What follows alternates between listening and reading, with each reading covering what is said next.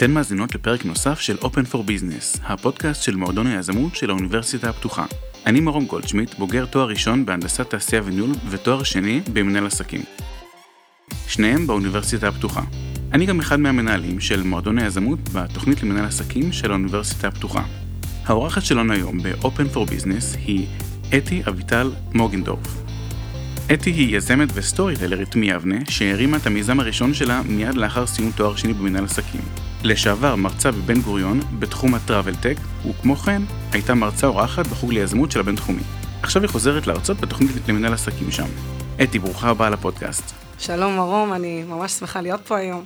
אני גם מאוד מאוד שמח, אה, כיף, הרבה אנרגיות אה, ככה על הבוקר, אנחנו מקליטים כאן בבוקר יפה ושמשי בכפר הירוק. יש עוד משהו שחשוב לך להוסיף למה שאמרתי קודם? האמת היא שסיכמת והצגת את זה ממש יפה. אה, אני כן אגיד שאני בעצם אה, נמצאת עכשיו גם בתעשיית ההייטק, הצטרפתי לפני ארבע שנים, ונכנסתי ככה לחברת הייטק מדהימה, ואם דיברנו על storytelling, אז שם ממש הפכתי ל storyטלרית visual עם וידאו, אבל על זה נספר בהמשך, וככה, אבל כן, סיכמת יפה. כן, אז תכף באמת נגיע ל story של ה storytelling.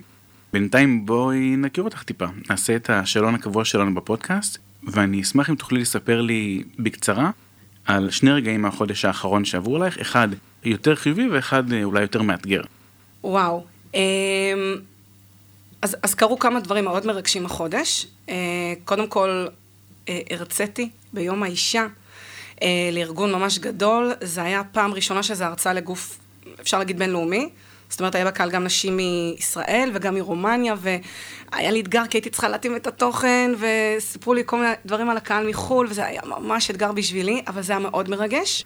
והחודש גם הגיעה איזושהי יזמת מתחום אחר, מתחום הרפואה, אז ככה, כל הנושא של storytelling לסטארט-אפים, אז זה גם היה איזשהו משהו מרגש שקרה. אה, ומבחינת הדבר השני שציינת, אה, הגעתי לאיזשהו עומס בתקופה האחרונה, ויש איזה מישהי שמלווה אותי, ופשוט היא אומרת לי, אתי, את חייבת רגע לעשות stop, את צריכה רגע זמן לעצמך. ו- ובדיוק שנייה אחרי שדיברנו על זה, התקשרה מישהי שצריכה איזשהו תהליך עמוק וארוך, גם מצגת משקיעים, וגם מצגת לקוחות, וגם ה storytelling, וזו פעם ראשונה שהייתי צריכה להגיד לא, לא עכשיו. אז זה היה אתגר, ו- ופעם ראשונה שהצלחתי להגיד זה, כי האומץ להגיד לא. זה גם uh, שם את הדגש על האיכות ולא על הכמות, שזה גם יפה. ממש, אבל להגיד לא להצעת עבודה, בייחוד עכשיו עם התקופה האחרונה, זה כאילו היה מאתגר וצלחתי אותו, אז... אה, אמיץ, כל הכבוד. יש משהו מהתקופה האחרונה שהיית עושה אחרת אם היית אה, יכולה? בדרך כלל אני נורא רצה קדימה. כאילו, נגיד, יש לי איזשהו רעיון, זה ככה מאוד uh, תקף גם למיזמים האח, האחרים שהקמתי. אני כאילו, יש לי איזשהו רעיון, אני, אני פשוט רצה ועושה, uh, בלי לתכנן רגע, בלי לעצור רגע, הדברים די קורים. אז זה בדיוק, ה... זה בדיוק הסיבה שאני עכשיו רגע לוקחת פסק זמן, כל הדברים שאני עושה עכשיו שהם טיפה משתנים, אז רגע כן, לייצר איזושהי תשתית יותר מסודרת, אה, לייצר איזושהי אסטרטגיה יותר ברורה, ולא כאילו ללכת כאילו קדימה ואז אחורה. זה די עובד לי, אבל הבנתי שעכשיו אני כן רגע צריכה לעשות את זה, אז זה למשל משהו שכן הייתי עושה אחרת. יפה. יש משהו שאנשים לא יודעים עלייך והיית רוצה שידעו? בדיוק דיברנו על זה עכשיו, הכפר הירוק, אז uh, אני רפתנית גאה לשעבר, אני, אני בעצם רפתנית במיל. Uh, חלפתי פרות ארבע שנים. Uh, בכפר הנוער בו למדתי. Uh, לחצתי פעם לשמעון פרס את היד, כשהייתי בכיתה ט', נראה לי באיזשהו uh, מיזם שהשתתפתי, uh, יש לי אחות תאומה. וואלה, יפה, כן. מאוד מעניין. תגידי, אתי, כמה זמן לוקח לך להתארגן בבוקר? וואי, אני לא מאלה ש... לא, אני פשוט אה, שמה דברים ויוצאת. כאילו, באמת, זורקת על עצמי משהו, טיפה מרגנת את השיער, איפור רק, נגיד לכבודך. טפרתי. מרגש. אבל כן, זה נורא זריז, אני כאילו, ויוצאת. יפה, האמת שזה גם היה ההימור שלי, שאת אה, תקתקנית כזאת. אין לך זמן לכל המסביב. ישר ולעניין. כן. אז אה, טוב, בואי נגיע לפואנטה. ספרי לי במשפט אחד מי זו אתי אביטל. storytelling? סטורי טלרית מבטן ולידה, יזמת סדרתית, אה, אחת שפשוט אה, מזיזה ערים. זאת אומרת, זה, זה אולי השלושה הדברים שהכי מאפיינים אותי, ומזיזים אותי בחיים האלה קדימה. מה שנקרא קצר ולעניין. אהבתי. אני אשמח אם תוכלי להרחיב בכמה מילים על הפעילות שלך בימים האלה, מה העסיק אותך בשנה האחרונה, מה נמצא בפוקוס שלך כרגע. אולי נוכל דווקא להתחיל מהפרויקט של המרעננות, שמעסיק אותך בשנתיים האחרונות. כן, אז האמת היא שזה פרויקט ממש מרגש, זה ממש ה baby השני שלי. היה את המיזם הראשון שהקמתי אחרי התואר השני, אבל אמ, באמת, גם לא תכננתי. כאילו, בעצם אה, סיימתי את התפקיד הראשון שלי בהייטק בחברה מדהימה, פשוט הרגשתי שמיציתי את התפקיד, אה, וידעתי מה מצפה לי, שאני הולכת להיות לבד, והתהליך של חיפוש עבודה הולך להיות ארוך ומייגע.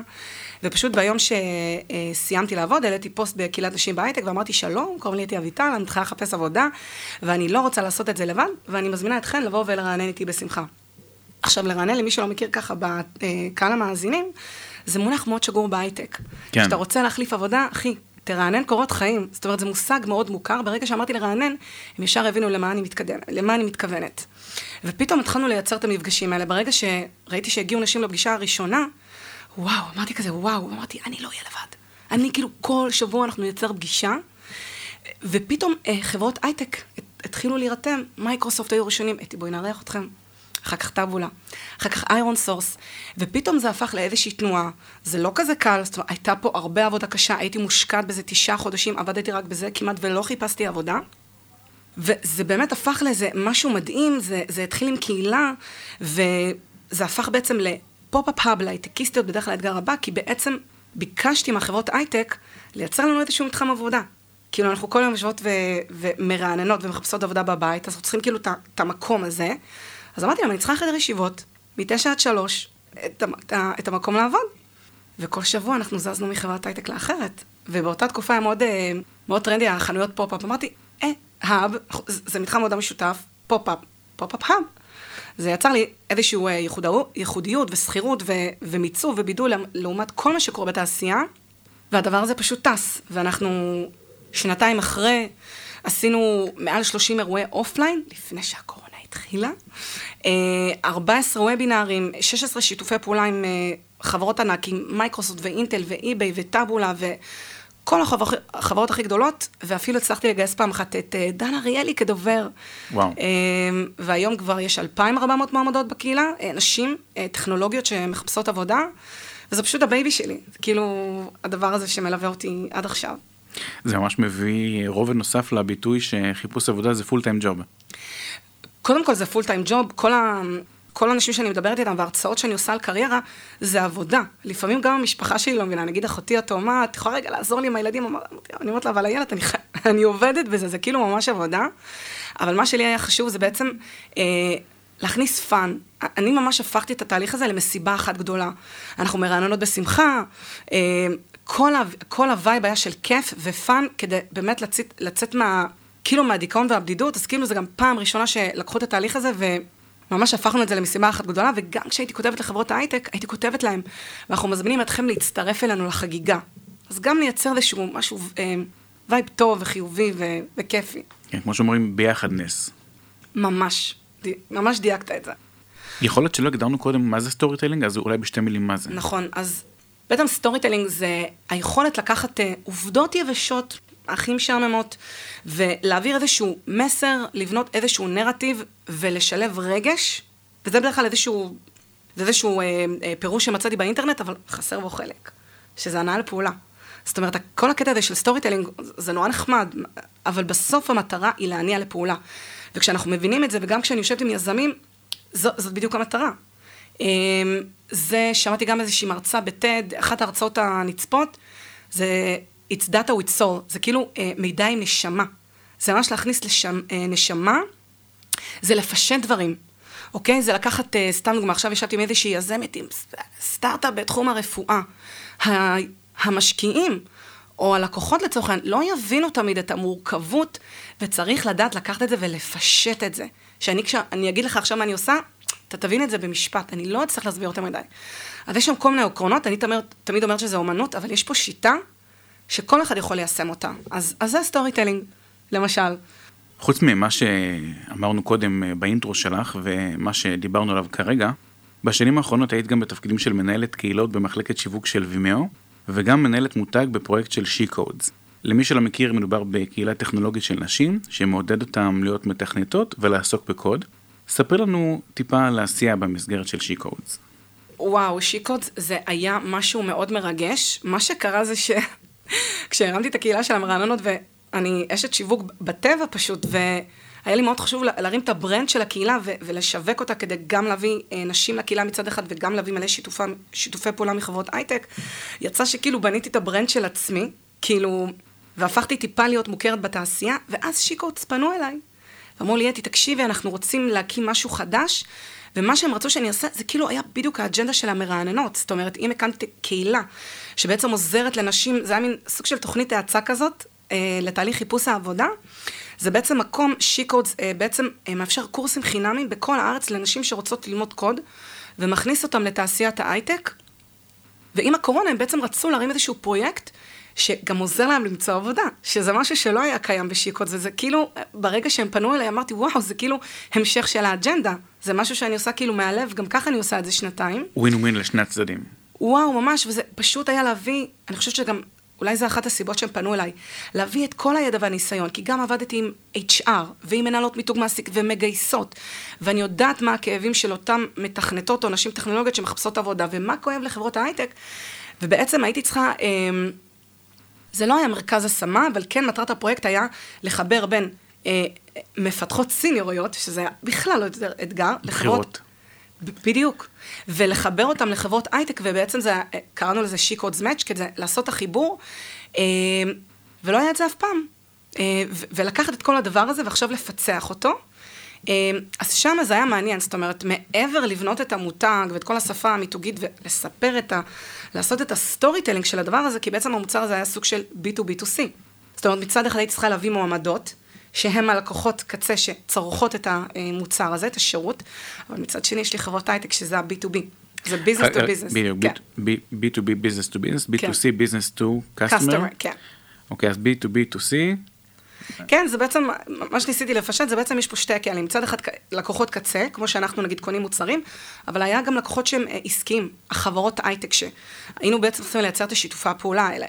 אז מעבר ללבנות את הברנד ואת ה storytelling, כאילו, איך אני משווקת את זה מצד אחד למועמדות ומצד שני ל, אה, לארגונים, כי יש פה שתי מסרים שונים.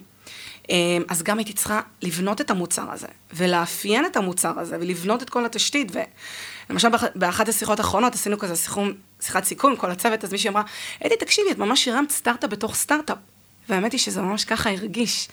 אז גם היה את האפיון וליצור את כל ה... אה, חוזים מול חברות ההייטק, ובאמת בשלושה חודשים להגיע למצב שיש כבר 2,400 נשים טכנולוגיות סיניוריות, בכירות כמו שאתה אומר, ועוד 60 חברות הייטק שזהו, הם כבר, הם כבר מוכנים, הם רוצים ליצור את המוצר ולשתף פעולה ולעשות את החיבורים האלה.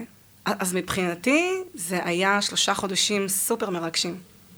זה באמת נשמע לא טריוויאלי בכלל ולא מובן מאליו ומדהים והמון המון כל הכבוד ובהצלחה. אה, זה עשייה מבורכת. לפני שנדבר יותר לעומק על הפעילות הנוכחית שלך ועל מה שעשית בשנים האחרונות, אני אשמח אם תוכלי לספר טיפה על המעבר שעשית אה, במסגרת העיסוקים שלך. היית עצמאית, אחר כך היית שכירה, אחר כך שוב חזרת להיות עצמאית. צריך הרבה אומץ לעבור מלהיות שכירה לעצמאית, אבל בחיי שאני לא יכול לחשוב על מקרה אחד של מישהו או מישהי שהתחילה כעצמאית, ואז לא רק שעברה להיות שכירה, אלא גם חזרה אחר כך להיות שוב עצמאית. ספר לנו טיפה על התהליכים האלה. וואו, אמ, יש פה כמה סיפורים מעניינים, זאת אומרת... אמ, אני בטוח. קודם כל, מקווה שזה גם יעורר השראה, כי זה באמת נוגע במקומות ש, של קריירה, ואם אנחנו מדברים, כאילו, זה במסגרת האוניברסיטה הפתוחה, ובעצם כשסיימתי את התואר השני, במנהל עסקים, מה הבטיחו לנו לדור ה-Y? שאם תעשה תואר ראשון, תמצא עבודה בקלות, ואם תעשה תואר שני, וואי, כאילו, בכלל, יחטפו אותך, the world is your oyster. Yes. ובאמת, אה, סיימתי תואר שני אה, בקמפוס בן גוריון באילת, ואמרתי, אני אעבור למרכז, עברתי לגבעתיים, שזה בכלל עיר שלא הכרתי, לא ידעתי שבכלל יש עיר כזאת על המפה, והתחלתי לשלוח קורות חיים. ואני הייתי בטוחה שאני הולכת להיות uh, מנכ"לית, מינימום מנכ"לית עם תואר שני. אבל זה לא קרה. מצאתי את עצמי מובטלת שלושה חודשים, ו-20 רעיונות עבודה ואף אחד לא קורא לי. ואז ה... הרי עד אז הייתי עצמאי, אה, שכירה וצבא וכאלה, והייתי כאילו חייבת לייצר איזושהי פרנסה. וככה התחלתי איזשהו להוליך כלבים, ופתאום לשמור על כלבים, ופתאום ראיתי שזה מכניס נורא יפה. אמרתי, יאללה, שילכו המעסיקים האלה, לא רוצה. ראיתי שאני מצליחה להתפרנס, החלטתי לתת לזה הזדמנות. ובגלל שאני במהות שלי מאוד שיווקית, וגם חוויית לקוח סופר חשובה לי, השירות לקוחות, זה פשוט גדל. אני תודה. חייב להגיד רק משפט אחד לפני כן. שאת ממשיכה. יש משהו שלא ניתן להעביר אה, בפודקאסט אה, של אודיו בלבד. אה, יש אה, כמובן שאי אפשר להעביר ריחות, אפשר להעביר טיימינג, אבל גם אי אפשר להעביר vibe של בן אדם. וברגע שאת נכנסת לחדר, את באת עם אנרגיות כאלה שאי אפשר לתאר במילים. ממש כמו קרן אור כזאת. אז כן, תמשיכי. האמת היא שזה מלווה אותי וזה אחד החוזקות. זה מאוד משמעותי בדברים שאני עושה, אבל תודה. מצטער אם הבכתי אותך, אבל הייתי חייב לציין את זה בהקשר הזה, כי זה משהו שאי אפשר להתעלם ממנו. תודה, זה באמת אה, חשוב לי גם שאנשים יקבלו את זה, זה חשוב. את התחלת לספר על מיזם ה dog walking. נכון, וזה פשוט, אה, וואו, הצלחתי להתפרנס, נורא אהבתי את זה, קיבלתי vibe-ים טובים מהאנשים שצרכו את, ה, את מה שעשיתי, ובכלל עליתי על איזשהו שירות חדש שלא היה קיים בארץ, כי אני כל הזמן מקשיבה ללקוחות. והיה איזה מישהו, כאילו סבבה, עשיתי איתו הליכות, עשיתי את הפנסיון כלבים, אבל פתאום אמר לי, מישהו שהיה צריך שאני אלווה לו את הכלב חתונה, אמר לי, את יכולה לעשות את זה? אמרתי לו, ברור שכן. לא היה לי בכלל מושג למה הוא מתכוון. אחרי שעשיתי את זה, אמרתי, וואו, ואמרתי, בדוק עוד אנשים צריכים את זה. ופתאום פיתחתי שירות שנקרא ליווי כלבים לחתונות וצילומים, ולא ידעתי שלא היה דבר כזה. פשוט המצאתי שירות, מוצר, ובגלל שכאילו היה יכ... מאוד ייחודי, הצלחתי כאילו לייצר מלא אייטמים בטלוויזיה, זה סוכר בערוץ 12 ובערוץ 13 ובערוץ 10 דאז, רדיו, כתבות אונליין, פרינט, זה כאילו עד היום נמצא ברשת וזה כזה, אה, כמו מזכרת כזאת לעצמי, לדברים שעשיתי, זה עדיין שם, ואני ממש גאה בזה. אז זה למשל הסיבה הראשונה שפתאום הפכתי להיות עצמאית, כי כאילו, זה כאילו, הייתי חייבת לעשות את זה, או שפשוט החלטתי פשוט לתת הזדמנות וזה פשוט קרה, זה פשוט הצליח. והמעבר השני בעצם, כאילו ששאלת, "אה, אז למה הפכת כאילו מעצמאית לשכירה? בעצם כל התקופה, אני חושבת על בעצם הייתי גם שכירה. זאת אומרת, כל התקופה של העסק, הייתי גם מרצה בבן גוריון. זאת אומרת, תמיד הייתה לי נטייה לעשות כמה דברים במקביל, לא חשבתי על זה אז, אבל בעצם הרמתי קורס בתחום הטראבל טק בבן גוריון. הקורס הזה היה קצת מיושן, זה היה קורס במסגרת אה, המחלקה לניהול מלונות ותיירות, והתכנים שהעבירו היו ממש ממש מש- מיושנים. והחלטתי, לא, אני חייבת לדבר איתם על חדשנות, אני חייבת לדבר איתם על הייטק, וחשפתי אותם ככה לסטארט-אפים, ועשיתי דגש על סטארט-אפים ישראלים. כדי להראות לכם, הנה, גם אתם יכולים לעשות משהו חדש בעולם העתיק הזה, ולדבר איתם על סטארט-אפים בעולם המלונאות והתיירות, ו... וגם במסגרת ה... אה, העסק הזה שהרמתי, הקמתי גם קהילה של סטארט-אפים, וכולם אומרים לי, איזה סטארט-אפים יש כאילו בתחום של הכלבים? מה תחשוב איזה? והיו. ופשוט היה לי חשוב להתחבר אליהם. אז גם בגלל העבודה אה, עם הקורס של הטראבל-טק וגם עם הקהילה של הסטארט-אפים שפתחתי, פתאום התחלתי לי, כאילו יותר להימשך לעולם הזה. והעסק נורא הצליח, אבל כאילו הרגשתי שאני, המוח שלי, כאילו, שאני שמחה יותר, כשאני עומדת ומרצה, אז רציתי כבר לעשות דברים אחרים, ואז אמרתי, אוקיי, אני רוצה להיכנס להייטק. ו- וזהו, והחלטתי, וככה בעצם אה, היה את המעבר. נורא רציתי להיכנס לתחום הזה, זה לקח לי חצי שנה, וזה בעצם היה החזרה. כאילו, מעצמאית אה, לשכירה. דרך אגב, אני גם היום בבוקר קיבלתי בקשה לפנסיון. זאת אומרת, עד היום אני מקבלת פניות, הנכסים הדיגיטליים כאילו ממשיכים לעשות את העבודה. אה, אז, אז זה היה המעבר הזה, ואז אה, אני חושבת שהמעברים הם איכשהו טבעיים, כאילו, מה שקרה זה שעכשיו, אה, פתאום אה, פנו אליי אנשים, זאת אומרת, מסטארט-אפים, אני, עוד פעם, אני כל הזמן נמצאת ברשת, אני גם מדברת הרבה על מיתוג אישי. להיות שם וכאילו גם לקדם את עצמנו באופן אישי, כדי לייצר לעצמנו הזדמנויות שלא חלמנו עליהן. ובגלל הדברים שאני משתפת, אז פתאום, אה, פתאום סטארט-אפים או, או יזמיות או יזמים התחילו לפנות עליי ורצו עזרה אם לפצח את ה storytelling של המיזם, או את ה pitch משקיעים, מצגות שהם עושים לפני משקיעים ולקוחות. ואז זה גם משהו שקרה באופן טבעי, אז, אז כאילו עכשיו אני עושה גם את זה. אז זה נחמד כאילו לשחק, וזה עוד משהו שאפשר לחשוב עליו. אני חושב שמה ש... בעצם אם יש קו מנחה או איזה, איזה חוט ששוזר את כל הסיפורים האלה ביחד, זה שאת פשוט עושה מה שמתאים לך בצורה הכי טובה שיש. זאת אומרת, אם הייתי מסכם את זה באיזה מוטו, אז why not both? למה לא גם וגם? כן, לגמרי, ויש עוד משהו שכאילו אני חושבת, um, don't overthink it, כאילו, אל תחשבו על זה יותר מדי. זאת אומרת, במקרה שלי, לא ממש חשבתי על זה, אני פשוט עושה, כאילו... בדיוק, או לזה ב- התכוונתי. או כן, או יש עוד משפט שאומר better done than perfect, כאילו, עדיף לעשות מאשר מושלם. איכשהו קורה לי שאני עושה, ופתאום פתאום הדברים הופכים למשהו שאני אפילו לא תכננתי. לא חשבתי שיהיה לי מיזם, בגלל שאני, היה לי עצוב ולבד בתהליך של חיפוש עבודה, ולא חשבתי שיהיה לי עסק מזה שהייתי מופתלת, איכשהו זה גם קשור לחיפוש עבודה. זה, זה מדהים, אז היכולת הזאת ליצור, וכאילו, ופשוט ללכת על זה, ובלי לתכנן, ואתה לא יודע כאילו מה יצא, אז כאילו לפעמים, אם יש דברים שאתה אוהב או יוצא לך לגעת בהם, תעשה אותם. אתה לא יודע כאילו מה, מה יצא לך מזה. דיברת קודם על, אה, על דן אריאלי, זה, זה הזכיר לי גם בהקשר שאנחנו מדברים עליו עכשיו, כל הנושא של אה, ניתוח התנהגות וכלכלה התנהגותית. עשו פעם מחקר ומחקר בריטי וניסו להבין האם אפשר לייצר מזל או מה מרכיב מזל, איך בעצם זה קיים. והמחקר שעשו, הזמינו אנשים לפאב בריטי, אה, עשר דקות לפני השעה חמש, שכולם נוהרים לפאבים אחרי העבודה. המהות של הפגישה הייתה אמורה להיות לכאורה פגישה עם מראיין שחוקר נושא כזה או אחר.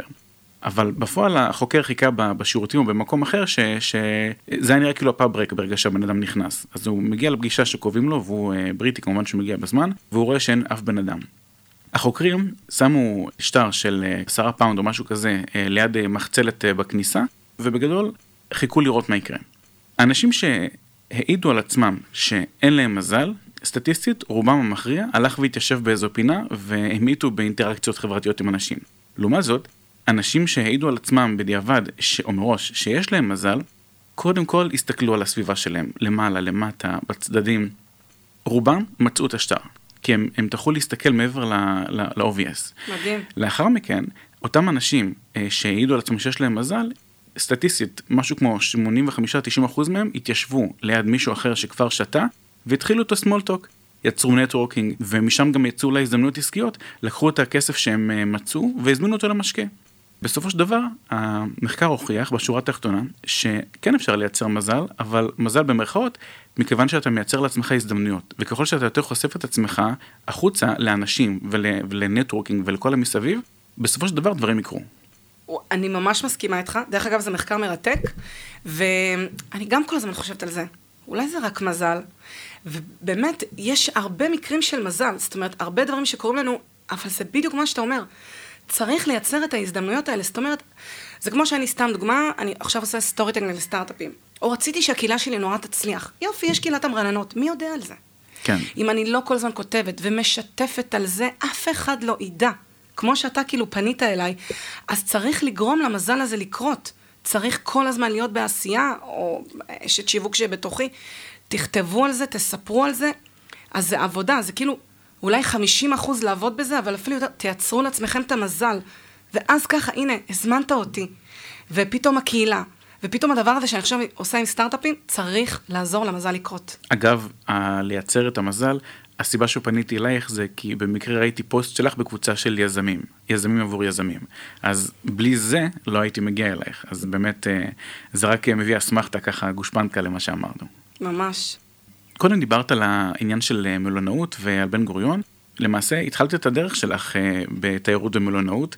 אני מניח שזה המשך ישיר לתואר הראשון שעשית אה, בבן גוריון. משם עברת לפיתוח עסקי, שיווק ופרסום, ניהול מוצר, יזמות, ואת גם מעידה על עצמך שאת true storyteller בלינקדאין.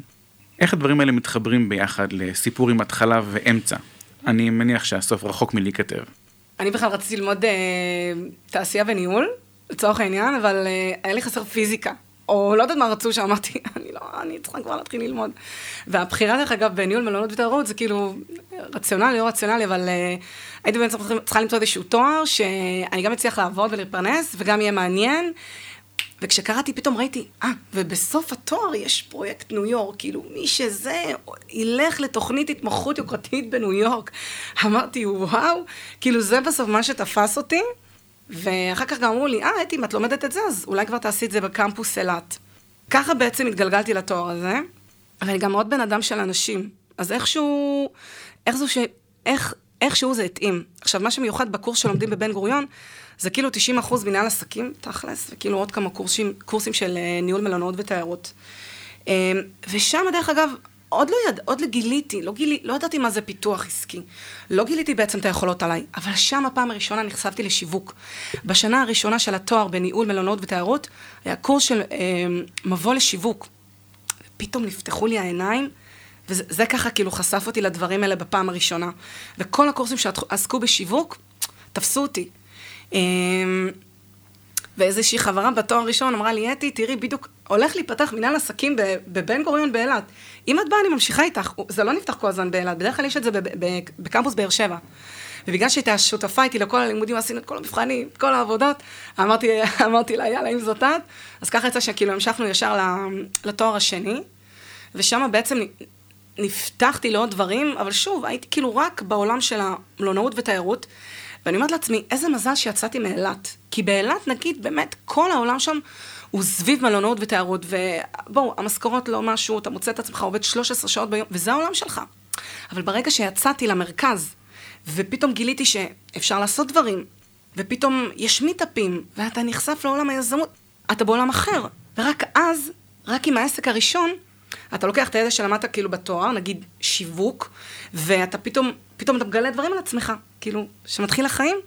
אני חושבת אולי ש... אה, כאילו, איפשהו זה הקשר, זאת אומרת, שדברים פשוט מתחילים, אתה מגלה דברים, ואז אתה ממשיך עם דברים אחרים. אבל התואר הוא, כן, הוא גם בסיס בזה.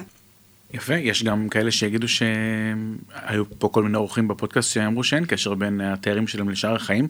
אני באופן אישי חושב שכל קורס שלומדים אה, משנה את אופן הראייה שלנו לנצח, אפשר אפילו להגיד. אז אה, מעניין לשמוע את הפרספקטיבה שלך. אני, אני אעשה טיפה פיבוט, אני, אני, אני אעשה טיפה מה, מהנושא למשהו אחר. קראתי באחת הכתבות עלייך שאמרת שבילדות שלך גרתם בבסיסים של חיל האוויר. מעניין אותי לשאול אותך האם החוויה של הילדות המיוחדת הזאתי תרמה באופן כלשהו להתהוות של האישה שאת היום, בדגש על היכולת לראות דברים באופן שונה, ליצור וליזום. אמ, וואו, אני חושבת שאולי זה אפשר לי אמ, חוויות אחרות, אה, לנוע ממקום למקום. אני חושבת, אני לא יודעת אם זה בגלל שאני יודעת לספר דברים, אני כאילו תמיד מרגישה שקרו לי מלא דברים מגניבים בחיים. אולי אני מרגישה שהם מגניבים, אבל uh, זה גם היה סיפור. זאת אומרת שהייתי אומרת מאיפה אני, או כשנכנסתי, הייתה תקופה שגרנו בבסיס חיל האוויר בחצרים, אבל למדתי בבית ספר בבאר שבע. אז כשהייתי מספרת איפה אני גרה, אז היו אומרים לי, מה, את גרה באוהלים? מה, יש לכם גמלים? אז כאילו, תמיד היה לי איזשהו מקום כאילו טיפה להדליק אנשים, או לייצר איזושהי ייחודיות או שכירות, אבל בעצם, אה, כן, זה איזושהי אווירה קיבוצית, זה לא, אתה לא גדל בעיר, אתה כל שנתיים שלוש מחליף מקום, מחליף חברים, אז כנראה זה גם מייצר איזושהי יכולת אה, להסתגל, וכאילו, כן, אתה באווירה אחרת, זה קצת כמו ילדי שמנת, אני לא אוהבת להגיד את זה, אבל באמת זה היה משהו אחר, זה טיולים אחרים, זה הוואי אחר, יש לך כל היום בריכה, סרטים והקולנוע, בגיל יותר מאוחר אתה ככה מתחיל אה, להתחכך אה, בחיילות, עוד לפני שאתה אה, חייל, אז לגמרי זה, אני רואה את זה כחלק מדהים מהחיים שלי. טיילתי בכל הדרום, ואחר כך גם נכנסתי לחיל האוויר, אמרתי לאבא שלי, אבא, אם אני לא עושה דור המשך, יש כזה דבר. אני לא, כאילו, אני לא מתגייסת, אני רוצה חיל האוויר. אז גם כשנכנסתי לצבא, פתאום, אה, אבא שלך, איזה חצר... תמיד זה יצר לי איזשהו משהו כזה סביבי. ו- וזה כיף, זה תמיד פוגש אותך. אז לגמרי, מבחינתי זה חלק מאוד מיוחד uh, מהחיים. יפה, באמת uh, מעניין ולא שגרתי. בואי נחזור לדבר על storytelling. תארי עבורי בבקשה תהליך ליווי לדוגמה שעובר יזם ברגע שהוא מגיע אלייך. בואי נגיד שהוא מגיע עם רעיון גולמי ולא מלוטש, ועד הרגע שהוא מגיע למצגת בפני משקיעים או בעלי עניין כאלה ואחרים. כן, אז האמת, אני חושבת שדרך אגב זו מתנה שקיבלתי במנהל עסקים לצורך העניין. זאת אומרת, היינו באיזשהו שלב צריכים להכין uh, תוכנית עסקית. עכשיו שאלת על, uh, על תהליך? כן. אוקיי, אז uh, אז אוקיי, אז, אז התהליך הראשון זה בעצם הפיצוח של הסיפור של המיזם. אני תמיד אומרת, כשאני הולכת להיפגש עם מישהו, אז אני אומרת לו, אתה צריך עכשיו להתכונן לחקירה של השב"כ. כאילו ממש ככה, אני בתור מישהי שבונה סיפור, זה ממש סיפור שיווקי. אני חייבת כמה שיותר מידע. כי אם יש משהו שאני לא יודעת, גם בסיפור, או שאני ארצה להעביר את המסר למשקיע, או ללקוח, או אפילו אני עושה את זה ל fundraising, כאילו אם צריך לעשות uh, גיוס תרומות של עמותות או כל מיני ארגונים, אם לי לא יהיה את כל המידע, אני לא יודע לספר משהו טוב. כן. אני צריכה גם למצוא כאילו כל, כל מיני gist כאלה, או, או דברים מעניינים, כל מיני hooks כאלה, משהו שיתפוס את הקהל. אז אנחנו עושים בעצם ישיבה ראשונה, אני כותבת לזה, אני קוראת לזה פיצוח, אה, ישיבת פיצוח ה storytelling, שעתיים, המון המון המון שאלות. אני תמיד עוצרת באמצע, כי רגע, לא הבנתי את זה, מה זה אומר? רגע, תרחיבו לי על זה. כאילו, יש לי איזשהו משהו, איך שהמוח שלי עובד, ואני רושמת, פשוט רושמת ורושמת ורושמת, כי נגיד אצלי המידע יותר, נקלט יותר טוב עם, ה, עם הכתיבה, עם היד, עם הפיזיות. ופשוט לשאול את כל השאלות, להוציא את כל המידע. אני גם תמיד אומרת, ת, ת, תגיעו עם כל פיסת מידע. שאי פעם עשיתם, ואז הרבה פעמים יש שאלה של, רגע, אבל תקשיבי, זה, זה מידע, כאילו, יש פה NDA וזה, אני אומרת, אין בעיה, תחתימו אותי. אבל אני חייבת להיחשף לכמה שיותר פרטים, וזה נגיד הפגישה הראשונה. זאת אומרת, זה הבסיס אה, לתהליך כשאני מביאה, אה, אה, מלווה ארגון, או, או סטארט-אפ, יזם, אה, זה ההתחלה. אחרי שיש לנו את כל הדבר הזה, אז בעצם אפשר ללכת למה שנקרא לעשות את המצגת הלבנה. זה בעצם הבסיס של המצגת משקיעים. אני עכשיו לוקחת את כל הסיפור, את כל המידע שרשמתי, יש עקרונות גם, גם בפיץ של המשקיעים, הדרך שבה אה, מעבירים את המצגת, או יותר הדברים שחשוב שהם יהיו, אז זה הדברים שאנחנו אה, מכניסים בעצם למצגת הלבנה הזאת, זה בכוונה נקרא מצגת לבנה, שהיא בעצם, קודם כל ללא עיצוב, קודם כל לסדר, אם אנחנו מדברים על אה, נרטיב, איך, איך אני רוצה להעביר את הסיפור, מה אני רוצה להגיד, במה אני רוצה להתרכז, כי הנרטיב שאני אגיד למשקיע, זה לא הנרטיב ללקוחות, זה שתי מצגות שונות עם מסרים שונים. אז את כל מה שפיצחנו ועברנו עליו בפגישה הראשונה, אנחנו מתחילים לארגן את זה בסיפור שיושב בתוך המצגת משקיעים. וזה בעצם גם יהיה הפיץ' עצמו. זאת אומרת, כשאנחנו עוברים על המצגת, אנחנו גם אומרים מה יהיה הפיץ' תוך כדי. כי מעבר ללהראות, אתם יודעים, אתה יודע, מצגת אפשר גם לשלוח במייל, אבל איך אתה מספר את זה? זאת אומרת, עדיין כתוב הכל, אבל אנחנו גם עוברים איך אומרים את זה, זאת אומרת, מה הפיץ' עצמו במילים, כשמציגים, לדמו דיי או כל מיני דברים כאלה. אמ, ואז יש את הנושא של החזרות. כאילו, אני יכולה נגיד לתת להם, אה, זה נורא משתנה, אבל אני יכולה לתת להם ולהגיד להם מה הפיץ', אני יכולה נגיד להקליט את עצמי או בפגישה, הם ישמעו את זה, אבל לפעמים גם צריך חזרות. אז זה גם משהו שאני עושה, לפעמים גם מרגישים קצת חסרי ביטחון, או באמת רוצים לדעת איך זה נשמע, או איך להגיד את זה כמו שצריך. אני תמיד אומרת, כמו שאמרנו, זה מידע עם נשמה. זאת אומרת, מעבר לנתונים שהמשקיע רוצה לשמוע, צריך לרגש אותו. צריך לסחוף אותו.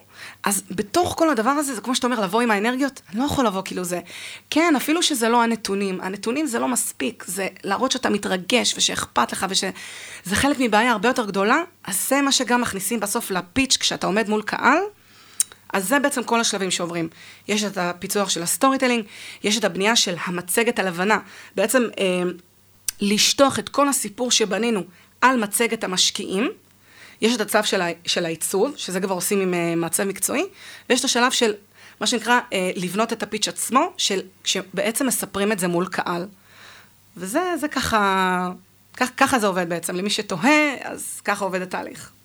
יפה, מאוד אה, מעניין, וגם חשוב אה, להקנות אה, מעין נופך של... של המעבר, זאת אומרת לא רק המילים עצמם, המסר, הנרטיב, אלא ממש, כמו שאמרת בעצמך, נשמה. כי בעצם זה מה שמבדיל בינינו לבין כל אחד אחר שמגיע עם רעיון דומה. על מה דיברנו היום? דיברנו על storytelling, מה זה storytelling, אולי גם למה צריך אותו במובן מסוים, ומה עושים עם storytelling, זאת אומרת אה, הבידול של המסר, על העשייה המאוד מאוד מעניינת שלך ומגוונת בכל מיני מסגרות, כמו למשל She Codes אה, או ארגונים אחרים, אה, על חשיבה מחוץ לקופסה, על חיים מעניינים. ואני מאוד מאוד מודה לך, היה מאוד מאוד מעניין. אני גם ממש מודה לך, מרום, אני ממש שמחה, ממש שמחתי להגיע, ותמיד אוהבת לדבר על הדברים האלה, וכיף, ממש תודה שהזמנת אותי. העונג כולו שלי, תודה רבה. תודה. מה חשבתם על הפרק עם אתי? מה אהבתם יותר? מה פחות? יש פינות שתרצו להוסיף לפרקים הבאים? מוראיינים מעניינים שהייתם רוצים לשמוע את הסיפור שלהם? אנחנו מחכים לכם בקבוצת הפייסבוק שלנו, מועדון היזמות של האוניברסיטה הפתוחה, הקבוצה. לינק לקבוצה נמצא בתיאור הפרק. אתם האזנתם לפרק נוסף של Open for Business. הפרק הוקלט באולפני האוניברסיטה הפתוחה בכפר הירוק. על הסאונד, אורי דגני. תודה ונשתמע בפרק הבא.